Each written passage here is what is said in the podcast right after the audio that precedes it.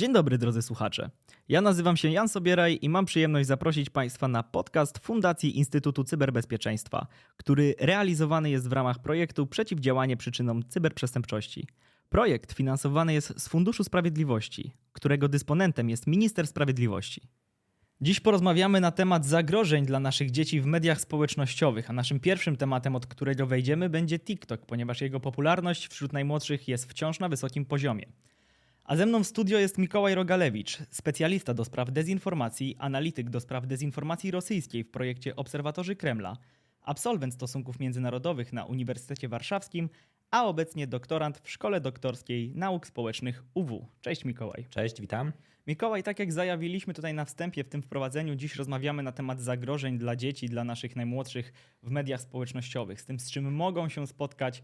Wiemy też, że y, wiele serwisów, y, mediów społecznościowych oczywiście w równym stopniu uzależnia tak samo dorosłych, jak i dzieci.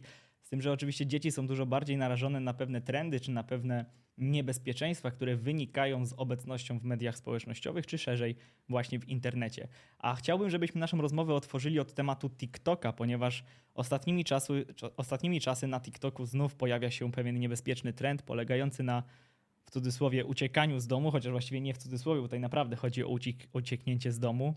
O co chodzi w zabawie Zniknij, zniknij bez, bez śladu? Skąd ona się wzięła? Czy dużo dzieci bierze e, w tym udział i dlaczego w ogóle takie trendy zdobywają popularność? Tak, no to wyzwanie Zniknij bez śladu, czy po angielsku 48 e, Hours Challenge, e, ponownie pojawiło się tym razem na TikToku. Mm, I generalnie rzecz biorąc, w samym wyzwaniu chodzi o to, aby upozorować swoje zniknięcie, uciec z domu no i zaangażować jak najwięcej osób e, w poszukiwania, łącznie z policją, rodzicami, znajomymi, no rodziną. Właśnie z tego, co powiedziałeś, to 48 hours, to rozumiem, że jakby ten, ten, ten, ten czas tych 48 godzin no właśnie jest dopasowany do tej do tego przepisu tak, że dopiero po 48 godzinach czyjejś nieobecności możemy zgłosić e, zaginięcie do organów. Nie wiem, czy akurat do tego to nawiązuje, bo z tego, co informowała policja, e, takie sprawy oni biorą dość na poważnie, z tego względu, że nie, dość dużo się ostatnio takich przykładów pojawiało i starają się raczej od razu przyjmować tego typu zgłoszenia. Więc nie wiem, czy pierwotna idea była właśnie taka, że po 48 godzinach dopiero można, policja może przyjąć zgłoszenie o zaginięciu. Natomiast obecnie raczej, raczej policja stara się mm, szybciej reagować, z tego względu, że właśnie tego typu, mm, tego typu wyzwanie się pojawiło i stało się dość popularne.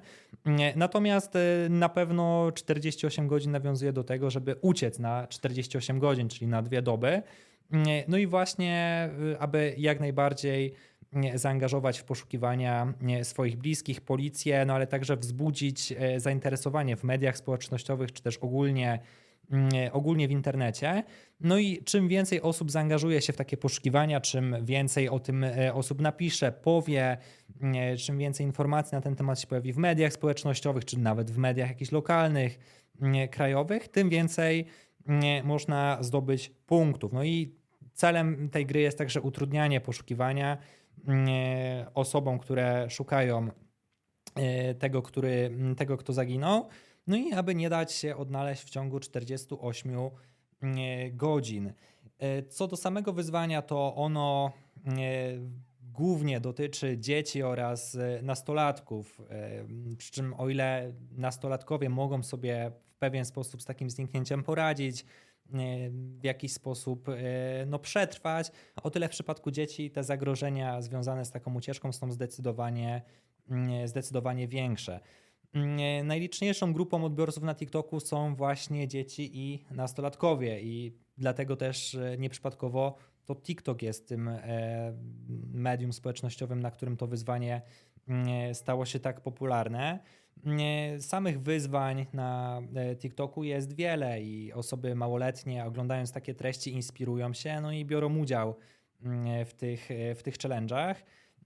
Niektóre z nich e, są robione wyłącznie w formie zabawy, nie, nie, nie stwarzamy jakiegoś większego zagrożenia, no ale niektóre, tak jak właśnie to, to wyzwanie 48 godzin, czy, czy, czy po polsku mm, zniknij przez bez śladu, no w takich przypadkach to zagrożenie jest niestety mm, większe. W Polsce dosłownie kilka dni temu e, pojawiły się mm, właśnie ostrzeżenia policji, która informowała o tym, że e, dzieci uciekają i że rodzice powinni w pewien sposób reagować na to, starając się mm, e, no, w pewien sposób obserwować swoje dzieci, co one tak naprawdę w mediach społecznościowych robią, no ale też ostrzegać przed tym, że tego typu zabawy, w cudzysłowie oczywiście zabawy, są po prostu niebezpieczne. To wyzwanie, e, choć ostatnio zdobyło sporą popularność, nie jest niczym nowym. Ono się w przeszłości już pojawiało, e, głównie za granicą. E, I te trendy mają właśnie to do siebie, że one pojawiają się w pewnym okresie, po jakimś czasie znikają, no i później znowu wracają, może w trochę zmodyfikowanej formie. Często te trendy przechodzą także z zagranicy, czyli coś pojawia się na przykład w Stanach Zjednoczonych, staje się popularne, no i później kolejne kraje to przyjmują, e, w tym Polska i takie, takie trendy pojawiają się także właśnie w innych, w innych krajach. No myślę, że bardzo ważne jest w tym przypadku to, aby rodzice e, jak najbardziej pilnowali dzieci i też e, rozmawiali z nimi na takie tematy, żeby po prostu w czymś takim nie brać, nie brać udziału. Natomiast jeżeli już dojdzie do takiego zaginięcia, no to warto pamiętać o tym, że trzeba, trzeba to od razu zgłaszać na policję. A policja właśnie informowała ostatnio, że takie zaginięcia będą traktowane przez służby priorytetowo. No bo ostatnio tych przypadków właśnie takich zaginięć e, trochę było. No i z tego względu, e, z tego względu policja stara się brać to na poważnie. Tak jak powiedziałeś przed chwilą, to nie jest pierwszy trend, który się pojawia na TikToku. Jakby z takimi trendami mamy do czynienia co jakiś czas. Ja pamiętam, że kilka lat temu obserwowaliśmy y, na TikToku i, w innych mediach społecznościowych y, trend, o którym się y, w okresie chyba około pandemicznym szeroko mówiło, mianowicie o grze Niebieski Wieloryb z angielskiego Blue Whale Jakbyś mógł nam w kilku słowach przybliżyć, o co wtedy chodziło, jak reagowano i jak sobie ostatecznie jakby radzono z tą, z tą sprawą oraz czy mieliśmy w Polsce jakieś przypadki, gdzie faktycznie e, zaszło to w pewien sposób za daleko. Tak, znaczy w przypadku Polski to rzeczywiście pojawiło się w czasie pandemii i wówczas chyba e, to nie, to nie, było, to nie, w Polsce nie było aż tak bardzo dużo ofiar tego, tego wyzwania, natomiast e, ofiar, czyli osób, które rzeczywiście jakoś bardzo mocno na tym, na tym ucierpiały, chociaż kilka osób rzeczywiście chyba dokonało samo, e, samo okaleczenia. Natomiast sama gra powstała w Rosji w 2016 roku. No i mm, idea tej gry była taka, że e, uczestnik, zaczynając nią grać, miał do wykonania przez 50 dni 50 zadań, e, czyli każdego dnia miał do wykonania inne zadanie. E, to zadanie miał wymyślać mentor. No i wśród tych poleceń były bardzo różne zadania, no ale niestety pojawiły się także między innymi samookoleczenia, undręczanie się, oglądanie jakichś filmów, no i ostatecznie tym ostatecznym 50. zadaniem miało być samobójstwo. Same te zadania od początku zaczynały się e, niewinnie i to było na przykład wysłanie jakiegoś zdjęcia wieloryba, natomiast e, no, z każdym kolejnym etapem te zadania stawały się coraz bardziej e, niebezpieczne. Na przykład jednym z takich zadań było też, żeby uczestnicy przesłali zdjęcie, jak e, siedzą na parapecie w oknie wieżowca gdzieś, e, gdzieś wysoko. No w przypadku dzieci mm, oczywiście to jest ogromne, mm, ogromne zagrożenie. No ale właśnie ostatecznie tym e, ostatnim zadaniem miało być samobójstwo. Mm, ta gra przyszła z Rosji do Polski. W Rosji zdarzyły się przypadki samobójstw. W Polsce, z tego co pamiętam, z powodu tej gry nie, natomiast miały, przypadki, miały miejsce przypadki samookaleczenia. Mm, I właśnie to był okres, w Polsce to był okres pandemii, w Rosji to było od 2016 roku. Mm, natomiast w 2020 roku e, w Polsce między innymi prokuratura krajowa wydała e, ostrzeżenie mm, dotyczące właśnie tej gry, a policja wystąpiła do Facebooka, no bo wówczas e, na Facebooku głównie pojawiały się zaproszenia do tej gry i policja wystąpiła do Facebooka z prośbą o blokowanie wszelkich informacji, w których pojawia się nazwa takiej gry, żeby po prostu tego nie promować, żeby po prostu tą grę e, zablokować, żeby ludzie nie brali e, w tym udziału. Jeśli chodzi o Polskę, to w tym samym roku, czyli w 2020 roku, udało się zatrzymać mężczyznę, który tak jakby w Polsce stworzył tą grę, bazując na tym, jak ona wyglądała w Rosji. Mm, I okazało się, że był to 24-latek, który no właśnie namawiał dzieci do samookaleczeń, samobójstw. Mm, I właśnie jedna z jego ofiar miała pocięte żyletką ciało, no bo takie zadania były jej zlecane. Natomiast ten mężczyzna został na szczęście złapany. E, miejmy nadzieję, że taka gra do Polski już nie wróci, natomiast e, no, trzeba mieć świadomość tego, że mogą pojawiać się inne podobne gry. E, ostatnio między innymi ta gra mm, o znikaniu z domu, więc bardzo ważne jest to, aby mieć kontakt z dziećmi, obserwować, z czym one mm, spotykają się w mediach społecznościowych. No jeżeli jest to potrzebne, to należy reagować. Mm, jednocześnie myślę, że warto dodać, że nie wszystkie właśnie tego typu wyzwania, które pojawiają się w mediach społecznościowych, muszą mieć e, charakter negatywny i stwarzać jakieś zagrożenie. No, były bardzo popularne wyzwania, na przykład Ice Bucket Challenge, które polegało na wysypywaniu albo kostek lodu, albo wylewaniu zimnej wody na siebie.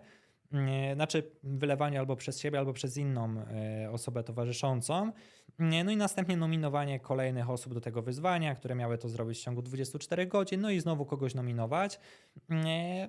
To było generalnie realizowane w taki sposób, że wrzucano właśnie filmiki do mediów społecznościowych, w których na, na, których e, wylewano na siebie wodę albo na których ktoś wylewał na kogoś wodę. A samym celem tej akcji, bo cel był dość szczytny, było zwiększenie świadomości e, dotyczącej e, choroby dość rzadkiej, E, stwardnienia zanikowego bocznego. E, no i cel był też taki, aby zachęcać ludzi do wpłacania pieniędzy na rzecz badań prowadzonych nad tą chorobą. Więc nie wszystkie wyzwania, które pojawiają się w mediach społecznościowych są szkodliwe i negatywne. I warto mieć też tego świadomość, no ale niestety takie, takie wyzwania, które stwarzają zagrożenie w szczególności dla dzieci czy, czy, czy młodzieży też się pojawiają. Ja tutaj chciałbym jeszcze mm, dodać dla porządku, że pierwotnie w ogóle ta mm, gra, o której tutaj mówimy, o tym niebieskim wielorybie, ona faktycznie e, narodziła się w Rosji, z tym, że żebyśmy mieli jasność, tutaj nie chodziło o jakby grę samą w sobie, bo to równie dobrze byśmy mogli niebieskiego wieloryba porównać do y, znanej, y, zwłaszcza naszym starszym słuchaczom, legendzie o czarnej wołdze. Y, mianowicie zaczęło się od tekstu śledczego E, Galiny Mursaliewnej, o ile pamiętam, albo Mursaliewiej, e, na łamach, e, na, ma, na, na łamach portalu Nowaja Gazeta. I opisywała, autorka opisywała wtedy taką historię kryminalną dwóch małych dziewczynek, które zostały znalezione właśnie z obrażeniami ciała. No i badając te kwestie, badając tę sprawę kryminalną, szukano jakby tej pierwotnej przyczyny, skąd te okaleczenia u dziewczynek. I wtedy faktycznie do, jakby organy ścigania doszły do takiej informacji, że dzieci były zachęcane przez różne osoby w mediach społecznościowych, w rosyjskim odpowiedniku Facebooka, czyli w kontakcie. I tak, ale to było wiele lat temu. I tak narodziła się pewna legenda jako coś, co się wydarzyło jako sprawa kryminalna, dość drastyczna, ale siłą rzeczy właśnie przez ten drastyczny wydźwięk tej sprawy no, przemieniła się w pewnego rodzaju miejską legendę, która zaczęła żyć własnym życiem. I tutaj jeszcze warto dodać, że, no bo powstaje pytanie, jakby kto rozpowszechnia i po co rozpowszechnia takie zachowania, czy takie trendy, czy, czy zachęca w ogóle do, do takich drastycznych y, działań, niezależnie od trendu. No tutaj powstaje pytanie, czy są to osoby, jakby, które. Mm, jakby, które chcą po prostu wyrządzić komuś krzywdę, czy jednak jeżeli byśmy na to spojrzeli, jeżeli byśmy na to spojrzeli szerzej, no to wrzucanie do opinii publicznej takiego tematu, że taki trend istnieje, że taka gra się dzieje i uczulanie gdzieś yy, opinii publicznej na temat tego, że to funkcjonuje, stwarza nam trochę takie błędne koło. W sensie nie mamy do czynienia z realnymi obrażeniami czy z realnym zagrożeniem, ale opowiadamy o tym, że taki trend istnieje, przez to on się zdaje popularny, bo się o nim mówi, a im więcej osób o nim słyszy, tym większa szansa, że trafi się ktoś, kto albo weźmie w czymś takim udział, albo zacznie zachęcać innych, czy to dla y, żartów, czy to ze zwykłej złośliwości, y, po prostu do brania udziału w czymś takim. Jednocześnie powstanie, powstawanie tego trendu odwraca uwagę od prawdziwych problemów, z którymi młodzież może mieć do czynienia i tak naprawdę stawiamy sobie takiego chochoła, wokół którego y, podejmujemy jakieś działanie, czy, czy, czy szerzy się jakaś panika społeczna nad sprawą, która ja tak naprawdę nikomu nie zagrażała, ale zacznie zagrażać dlatego, że staje się popularna. Tutaj jakby chciałem dodać ten wątek historologiczny do, do tego, skąd się w ogóle wzięła ta sprawa niebieskiego wieloryba. No ale teraz przejdźmy do kolejnego tematu, czyli mm, jakie inne zagrożenia istnieją jeszcze dla dzieci i młodzieży w mediach społecznościowych. E, no tutaj tych zagrożeń e, może być wiele. Myślę, że z takich najbardziej popularnych obecnie no to jest cyberprzemoc i hejt, czyli na przykład obraźliwe komentarze, e, poniżające treści, groźby. Wiadomo, że dzieci czy też nastolatkowie, no w szczególności nastolatkowie korzystający właśnie z Facebooka, Instagrama, mogą być narażeni na różne nieprzychylne komentarze pod ich postami, przykładowo na Facebooku. No i taki e, natarczywy hejt, natarczywe, obraźliwe komentarze mogą rzeczywiście zagrażać zarówno dzieciom, jak i nastolatkom, z tego względu, że wpływają w pewien sposób na ich, no ich stan psychiczny i ich, i ich samopoczucie, czy też poczucie bezpieczeństwa. Myślę, że bardzo ważne, bardzo ważne w tym kontekście jest y, w przypadku rodziców, y, żeby otwarcie rozmawiać z dziećmi na temat ich problemów. No a w mediach społecznościowych blokować wszystkich użytkowników, którzy tego typu hejt czy jakieś inne formy przemocy w cyberprzestrzeni e, sieją. Można też zgłaszać platformom, na których to się pojawia, aby, mm, aby tych e, użytkowników po prostu e, dalej blokować. Mm, kolejne zagrożenia związane są również z prywatnością i ochroną danych osobowych.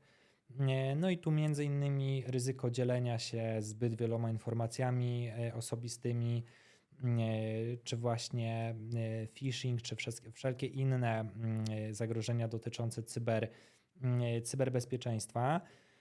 E, myślę, że w przypadku nastolatków, którzy dość dużo siedzą w mediach społecznościowych, no to ta świadomość na temat takich cyberprzestępstw i cyberzagrożeń może być większa, nawet niż w przypadku chociażby seniorów, no ale w przypadku dzieci e, młodszych e, może już, może już niekoniecznie, więc warto też no, po prostu obserwować, co dzieci robią na swoich telefonach, tabletach, komputerach, na jakie strony wchodzą, w jakie linki klikają, żeby, żeby po prostu jakieś istotne dane nie zostały, nie zostały ukradzione. No i z drugiej strony myślę, że bardzo ważna jest też edukacja dzieci na temat właśnie krytycznego myślenia, ochrony prywatności, bezpieczeństwa w internecie, w szczególności edukacja medialna, czy też właśnie warsztaty w szkole z dziećmi, wszelkie tego typu działania zwiększające świadomość i bezpieczeństwo e, dzieci i nastolatków w, właśnie w sieci. No i myślę, że w przypadku nastolatków e, warto także zwrócić uwagę na mm, coraz bardziej popularne e, różne platformy, które podają się za programy partnerskie, czy, czy, czy, czy właśnie jakieś platformy edukacyjne, które kuszą mm, innych właśnie jakimiś dużymi zyskami, a w rzeczywistości okazują się ostatecznie oszustwami. No tutaj przykład piramid finansowych, które właśnie oferują bardzo duże zyski bardzo szybko, pokazując, że można bardzo łatwo zarabiać pieniądze w internecie, tylko wystarczy dołączyć do danego systemu, sprzedawać dalej jakiś produkt, zazwyczaj produkt e, o niskiej wartości no i właśnie kto jest najbardziej podatny na tego typu działania? No, osoby, które nie do końca mają dużą wiedzę na temat, na temat chociażby inwestowania, na temat tego, w jaki sposób działają piramidy finansowe, osoby młode. No i to właśnie do nich kierowane są tego typu, tego typu przedsięwzięcia. E, wielu mentorów, edukatorów, którzy pokazują, że bardzo łatwo można zarabiać na rynku Forex, na rynku walutowym, którzy oferują naukę. No ostatecznie okazuje się, że zazwyczaj e, osoby, które podejmują e, próbę właśnie zarabiania w taki sposób, ostatecznie na tym tracą, więc to jest kolejne, wydaje mi się, obecne takie zagrożenie, które staje się coraz bardziej popularne.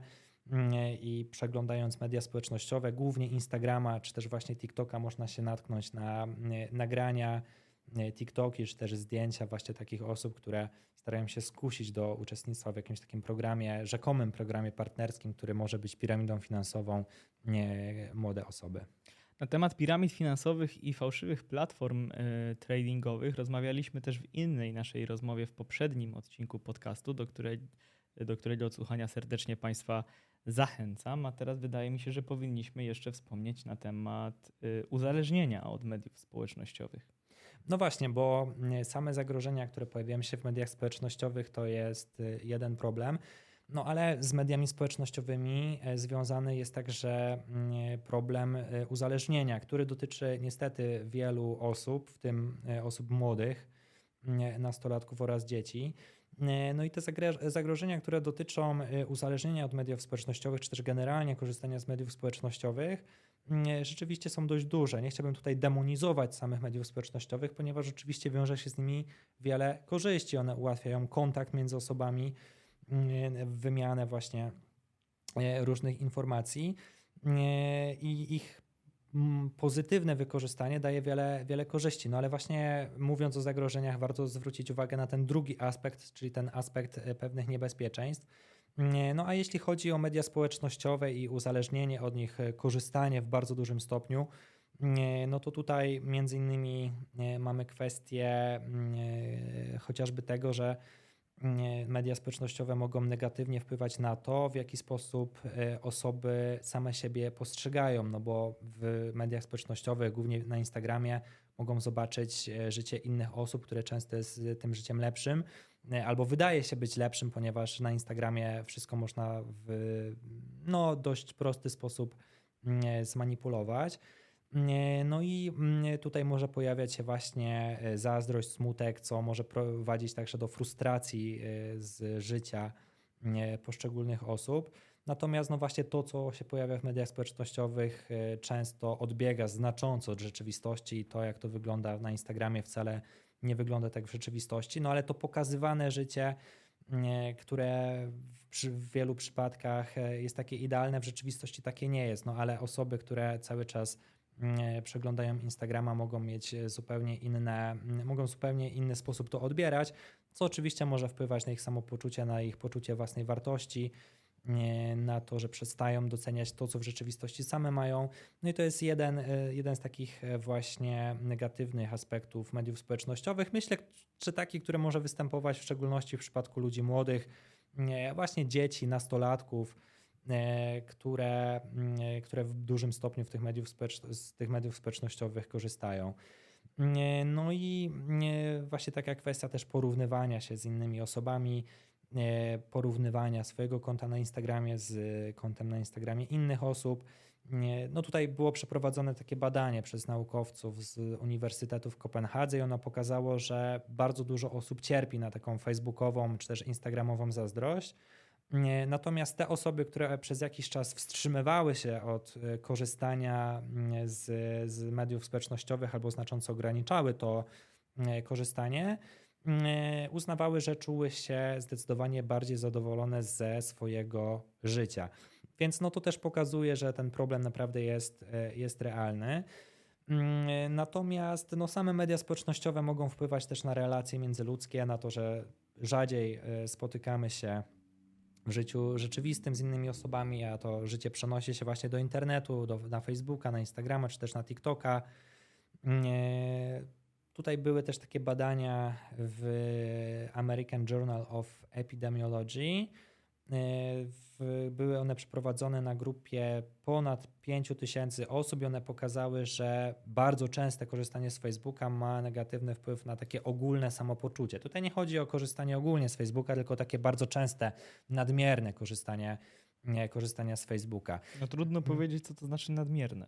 No, takie, w którym ta osoba, e, taka osoba cały czas e, musi na, ten, e, na tego Facebooka zaglądać, śledzić, co się tam pojawia nie może wytrzymać. Tutaj też właśnie takie objawy, jeżeli chodzi o uzależnienie, mogą przejawiać się tym, że jeżeli ktoś nie ma dostępu do mediów społecznościowych, to czuje taki niepokój, strach, e, pogorsza się jego samopoczucie i po prostu musi te media społecznościowe, czy to jest Facebook, czy Instagram, otworzyć po to, żeby tylko zobaczyć, co tam się nie dzieje. No to jest też zjawisko znane pod nazwą e, FOMO, FOMO. Czyli Tak. Fear of Missing Out, czyli powszechny strach przed tym, że coś nas omija właśnie w tym momencie ważnego w sieci, e, gdzie tak naprawdę, no jeżeli coś ważnego naprawdę by się wydarzyło, to albo ktoś jest w stanie inaczej się z nami skontaktować, albo jeżeli by e, wydarzyła się jakaś naprawdę istotna informacja, to raczej jest niewielka wątpliwość, że ją po prostu pominiemy, bo będzie się po prostu o niej rozmawiało. No niemniej to zjawisko występuje, czyli takie kompulsywne, czy to przeglądanie mediów społecznościowych, czy to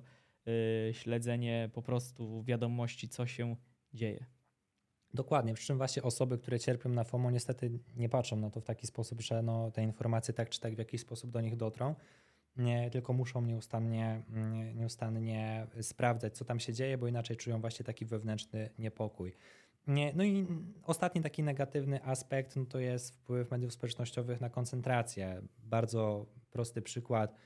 E, siedzimy, uczymy się, pracujemy, ale mamy jednocześnie obok e, telefon, nie, na którym ktoś, nie wiem, coś pisze na Facebooku, na Instagramie, ktoś udostępnił jakiś nasz post, polajkował, napisał komentarz, cokolwiek, co e, pojawia się w powiadomieniach, no i sprawia, że musimy od razu to sobie otworzyć, e, poprzeglądać, a jeżeli już otwieramy te sobie taki, e, nie wiem, takiego Facebooka czy Instagrama, żeby zobaczyć, co tam ktoś napisał, to przy okazji zobaczymy mm, jeszcze więcej e, rzeczy, trochę poprzeglądamy, no i to właśnie wpływa na taką koncentrację, że wy- wytrącamy się z tego, co tam robimy, czyli na przykład z nauki czy pracy i tą e, uwagę przekierowujemy właśnie na media społecznościowe. Dlatego e, dobre też jest e, wyłączanie albo e, telefonu, albo po prostu odkładanie gdzieś e, na bok, tak żeby to nas nie rozpraszało, kiedy wykonujemy jakieś tam istotne e, czynności.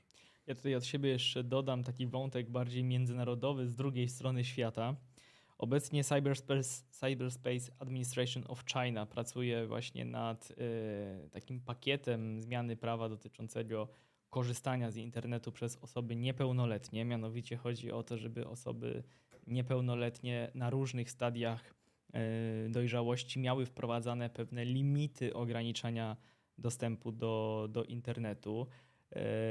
Ma się to wiązać z prewencyjną ochroną od e, uzależnienia właśnie przebywania w sieci. A będąc dokładnym, chodzi o to, żeby między godziną 22 a godziną 6 rano osoby poniżej 18 roku życia po prostu nie miały dostępu do internetu. E, A pozostałe progi, które wyznaczono, to dzieci poniżej 8 roku życia e, mogły przebywać w tej sieci, jakby mieć ten dostęp do internetu około 40 minut dziennie dla dzieci w przedziale wieku tam 8-16 lat to by- miałaby być godzina, a dla dzieci y, w wieku 16-18 no to już taka bardziej e, młodzi dorośli e, byłyby to dwie godziny. I tutaj przede wszystkim jest mowa na temat e, dostępu do smartfonów i jakby internetu w smartfonach.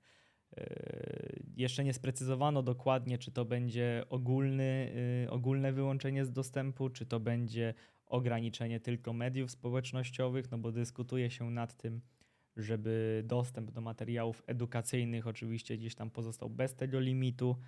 No ale i tak powstaje takie pytanie, czy, mm, czy to, ile czasu dziecko spędza, e, czy nastolatek, ile czasu spędza ze smartfonem, ile czasu spędza w sieci, jest interesem państwa, czy jest interesem rodziny. No i zgadzamy się, że jest to problem, że jest to e, coś, przed czym powinniśmy, na co powinniśmy uczulać i, i chronić młodzież, no ale jednocześnie powstaje pytanie, mm, czy to na pewno jest obowiązek państwa, żeby taką prewencję uskuteczniać, tym bardziej, że to nie jest walka z osobami, znaczy z problemem osób, które uzależnione są, tylko prewencyjne działania, żeby czasami przypadkiem uzależnione nie zostały. A jako, że się to odbywa w Chinach, no to możemy oczywiście tutaj domniemywać, że akurat to dobro społeczne to jest pewnie na drugim planie gdzieś postawione, a raczej chodzi po prostu o zmapowanie e, obywateli pod kątem tego, z jakich serwisów korzystają, jakie media czytają,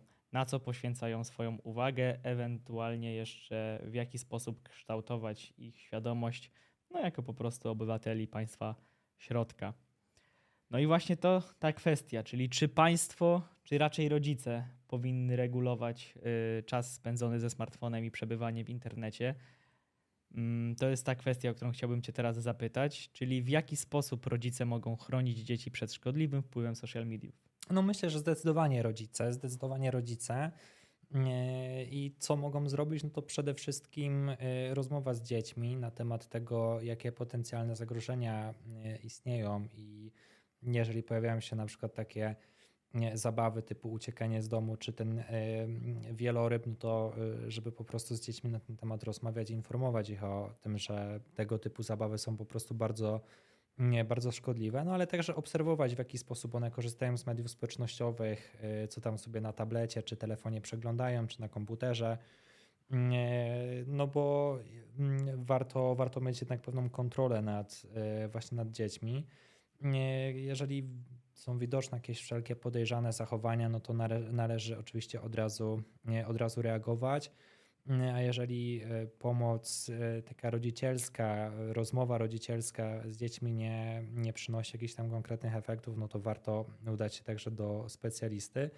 Mm, natomiast jeżeli widzą na przykład, że rodzice widzą, że takie dziecko przybywa za dużo z mediów społecznościowych, to mogą podejmować jakieś działania mające na celu to, aby po prostu ograniczyć ten czas, w jakim dziecko mm, na tym e, komputerze czy tam gdzieś jakimś innym urządzeniu mm, spędza. I z jednej strony może być to takie twarde ograniczanie, że maksymalnie godzina albo dwie godziny dziennie, ale z drugiej strony mogą być to jakieś takie działania bardziej otwarte, czyli tak zagospodarować e, dziecku czas, aby bardziej spędzało ono ten czas właśnie w świecie realnym, jakieś wyjścia na spacer, na plac zabaw, e, czy wspierać jego właśnie mm, spotykanie się ze znajomymi, jakieś zabawy, zabawy z rówieśnikami, podróże, y, czy nie wiem, chociażby jakieś jazdy na rowerze, cokolwiek takiego, aby to życie bardziej mm, no właśnie przenosiło, żeby bardziej to życie istniało w świecie realnym, a nie, a nie w świecie internetu czy też mediów społecznościowych. Więc taka pomoc, rozwijania alternatywnych form spędzania czasu, czy właśnie zachęcania do budowania zdrowych relacji z, z, z rówieśnikami są bardzo wskazane. E, no ta kontrola dotycząca tego, z, w jaki sposób dziecko korzysta te, z mediów społecznościowych, z kim tam rozmawia, też jest ważna z tego względu, że dzieci mogą paść ofiarami e, pedofilii i mogą być skuszeni właśnie przez takiego pedofila do, do spotkania się w świecie rzeczywistym. E, więc jeżeli mają rodzice no jakąś tam, wiadomo, nie całkowitą kontrolę, ale w jakiś sposób obserwują, co dziecko przegląda w, w, w tych mediach społecznościowych czy internecie, no to dzięki temu mogą uniknąć różnych e, tego typu nieprzyjemnych e, i też niebezpiecznych sytuacji. A w jakim stopniu państwo może wspierać rodziców przy tym, żeby łatwiej było im e, gdzieś tam przeprowadzić czy te, czy te rozmowy z dzieckiem, czy po prostu kontrolować to, w jaki sposób ono spędza czas w internecie. Czyli jaka jest rola edukacji medialnej e, w tym zakresie, czy to ze strony państwa, czy to może ze strony szkoły. E, na jaką pomoc rodzice mogą liczyć? No na pewno myślę, że jakieś inicjatywy zarówno państwowe, jak i organizacji pozarządowych w kontekście edukacji medialnej, e, nauczania krytycznego myślenia, mm, właśnie cyberbezpieczeństwa mm, i ogólnie świadomego korzystania z mediów społecznościowych, to jest bardzo, bardzo ważne. Na pewno wszelkie kampanie edukacyjne, informacyjne skierowane właśnie do dzieci, czy też ogólnie realizowane w szkołach, mm, dotyczące edukacji medialnej są bardzo, bardzo potrzebne, szczególnie w dzisiejszych czasach. No myślę, że w przypadku szkoły podstawowej czy szkoły średniej taka edukacja medialna powinna się przede wszystkim koncentrować na rozwijaniu kompetencji dotyczących krytycznego myślenia, e, umiejętnego zadawania pytań, konstruktywnej krytyki, e, analizowania informacji, oceniania trafności e, danych, argumentacji, właśnie wszelkich, wszelkich zasad bezpieczeństwa, korzystania z internetu. Mm, e, myślę, że tego typu warsztaty, które mogą być realizowane w szkołach, e, czy to, czy to właśnie przez organizacje pozarządowe, czy, mm, e, czy może po prostu przez szkoły, e, są bardzo, bardzo przydatne i ta rola samej edukacji medialnej jest bardzo ważna. Być może w kolejnych latach, ze względu na dość duży rozwój technologiczny, właśnie ze względu na rozwój internetu, będzie szło to w tym kierunku, że w ogóle taki przedmiot jak edukacja medialna zostanie wprowadzony do szkół. Byłoby to na pewno, e, wydaje mi się, rozwiązaniem dobrym. E, musi być to przedmiot oczywiście, e, na który będzie poświęcane bardzo dużo godzin, no ale taka godzina tygodniowo myślę, że mogłaby mieć pozytywny wpływ właśnie na dzieci i też na, na młodzież. Można było to po prostu zaadoptować w ramach lekcji informatyki, bo być może nie wiem, jak to wyglądało u ciebie, ale u mnie lekcje informatyki wyglądały bardzo często tak, zwłaszcza na tych młodszych etapach edukacji, że no, przychodzimy, jest komputer, włączamy komputer, e, malujemy w pańcie, e, piszemy w notatniku, no tu macie Worda, tu macie PowerPointa, ale w sumie to e, jakby tu macie internet i róbcie co tam uważacie. No co też wynikało po prostu z faktu problemu, z którym się boryka wiele placówek edukacyjnych, czyli po prostu braku wyspecjalizowanej kadry z zakresu informatyki i, i, i oddawanie tego przedmiotu nauczycielom, którzy często y, mieli jeszcze mniejszą wiedzę na temat y, komputera i sieci niż uczniowie, których, którym mieli niby ten przedmiot wykładać, co w, co w konsekwencji było kontrproduktywne, jeżeli chodzi o ten przedmiot. E, no tak, e, w moim przypadku również te lekcje informatyki nie były mm, powiedzmy jakoś bardzo, mm, bardzo produktywne, natomiast e, nie wiem szczerze mówiąc jak to wygląda obecnie. Na pewno już trochę czasu od tego czasu minęło, ale jaki jest stan tych, tych lekcji obecnie, to ciężko, ciężko mi też stwierdzić. Mikołaj, ja Ci bardzo dziękuję za, dzisiaj, za dzisiejszą rozmowę, za dzisiejszy poświęcony czas. A naszym słuchaczom polecam, jeżeli macie swoje dzieci, które być może mają taki problem e, ze spędzaniem czasu w internecie albo dawno nie rozmawialiście z nimi na ten temat, porozmawiajcie z nimi po tym odcinku, dowiedzcie się, co przeglądają, jak się czują i zainteresujcie się tym, w jaki sposób spędzają swój czas w internecie.